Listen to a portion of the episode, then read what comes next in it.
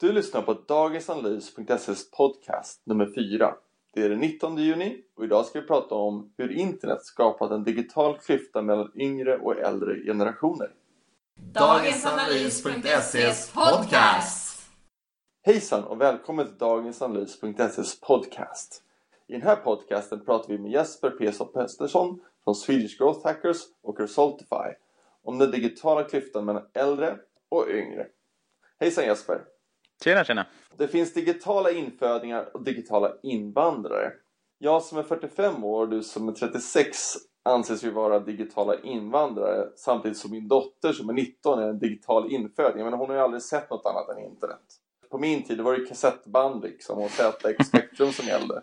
Mm. Och de här yngre då som har växt upp i internetåldern de fattar ju allt det här digitala mycket snabbare och enklare än vad vi gör. I alla fall vad jag gör är vi liksom bortspelade på grund av den digitala utvecklingen, vi äldre?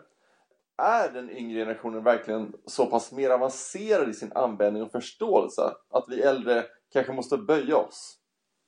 Saken i den är väl egentligen inte så mycket som att de är avancerade som att det finns eh, som ett paradigmskifte och då med det skiftet så kommer det ju med så mycket regler som man inte har riktigt enkelt att ta till sig som eh, eh är verkligen kanske kan gå tvärt all den logik som man har levt ett helt eh, liv eller åtminstone en stor del av sitt liv med. Eh, så det är väl egentligen att just att det kommer ett helt paradigmskifte Eh, och då kan det vara mycket svårare att ställa om när man faktiskt har med sig så pass mycket bagage. Och det har ju då inte de yngre utan de kan ta till sig alla de här nya reglerna och spelreglerna som finns med det digitala och därför så kommer de så att säga komma in i det mycket snabbare och det är därför som så att säga de får mer kraft. Ett exempel på det här är ju den här eh, Snapchat. När man provar tjänsten så krävs det en, det är en viss uppförsbacke att förstå vad det hela går ut på. Eh, mm. Samtidigt som för yngre är det som en, ja ah, vad kul och det, det, går så fort för dem att, att liksom acceptera en sån tjänst. Eh, mm. Nu, i senaste undersökningen avslöjar att nu börjar de äldre även använda Snapchat. Vilket jag inte vet om jag ens tycker är okej. Okay. med tanke på vad man gör. Alltså det är ju så typisk tjänst där, där, där yngre springer iväg med tjänsten och vi äldre står mm. kvar på startblocket och bara, ah, vad händer nu? Mm. Ja men absolut. Och det är just den här saken med att eh, då kanske man har varit väldigt duktig på att lära sig om andra företeelser som, ja inte vet jag, hur man ska betala skatt och så vidare.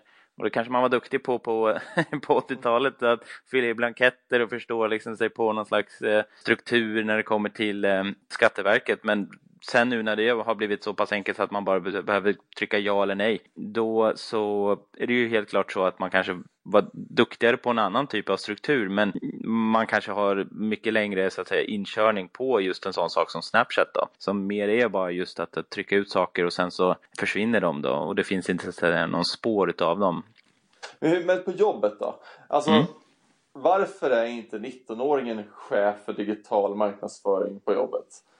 Varför är fortfarande då den äldre generationen chef över någonting som de egentligen inte fattar bäst? Handlar det bara om prestige eller, eller är det så att vi, vi liksom håller krampaktigt kvar i våra positioner eh, och håller, liksom puttar bort den här yngre generationen som ändå förstår mediet bättre? Jo men absolut det är en jättestor del prestige i det där. Det, det skulle jag absolut hålla med om. Eh, sen är det också kanske lite riskminimering. Man tycker väl att en 19-åring har ju inte eh, kanske upplevt så många misstag och gått på så många nitar eller har helt enkelt en livserfarenhet som man vet vad man ska undvika rent generellt. Däremot så kanske det är så just att om spelplanen är så pass omritad kanske man tycker att ja men all den här erfarenheten som man har sedan tidigare kanske inte är någonting som, eh, som man måste räkna med. Men eh, antagligen så är det väl väldigt mycket också att man har ett visst viss risktänk i det där. Att man inte vill slänga in någon som inte har så mycket livserfarenhet utav ja, men mänskliga relationer skulle man kunna koka ner det till. Då. Och det är väl också så mycket att även om man skulle se bort bortom prestigen så är det ibland rätt så svårt att se bortom det som man tycker är en, en risk helt enkelt då, tror jag. Du hade några exempel också med Alibaba och en film som du hade sett. Den första, det första exemplet här är ju egentligen då Jack Ma som har grundat Alibaba som är då en av de största internetföretagen i världen och som har så fruktansvärt stor inflytande i Kina han har en ganska lång utläggning om hur han tycker att man ska liksom föra sitt liv med från att man är 20 så ska man försöka liksom jobba för någon som är, är eh, som har erfarenhet och sen så går han hela vidare till att man är 60, 50-60 ungefär och då säger han att då ska man faktiskt ha eh, nog insyn att man faktiskt ska jobba för de som är yngre. För det är de som har så att säga eh, mest koll på världen just nu och det är de som eh, antagligen kommer vara mycket bättre än dig. Så att i dina sista arbetsår så skulle du försöka att faktiskt ja, men ta anställning eller på något sätt se till att jobba för de som, de som är yngre och de som är på uppgång. Och sen efter 60 så tycker man att man ska pensionera sig för då är det redan för, eh, för sent att förändra sig. Men, men det är ändå en viss insikt från en kille som ändå har byggt någonting väldigt stort och har varit duktig på det digitala. Och var... Det låter smart tycker jag. Ja, jo det kan man nog säga. Alltså det, är egentligen, för tänk, vad, vad, jag, vad som slog mig nu det är att när det gäller fysisk prestation mm. då har vi lätt att lämna över till den yngre generationen. Mm. Eh, för då känner man ju liksom av att man är inte lika stark som man var förut. Mm. När det gäller just det här med hjärnan och alltså vår kunskap. Mm. Då är det så väldigt svårt att släppa det där. Ja, precis. Och det, som, det har faktiskt ett annat exempel på när det kommer till prestation. Att, att även om du är yngre, så till och med när det gäller hjärnan, så är det ju så att det har visat sig i schackvärldsmästerskapen så har ju åldern faktiskt gått ner eh, väldigt mycket på den som är världsmästare. Så mm. han som är världsmästare idag, han är ganska ung faktiskt. Jag tror han är under 30. Det är, det är just det. Ja, exakt ja, precis. Och även innan honom så, så, så visade det sig att de var yngre och yngre. Och det, det, är just den här, liksom att när man är ung så har man en, en fysisk bättre prestation och det gäller också gärna i, i viss mån då. Men eh, det som man saknar då, det är ju som sagt var erfarenheten kanske. Men sen var det den där filmen också, som du hade sett, som jag också sett.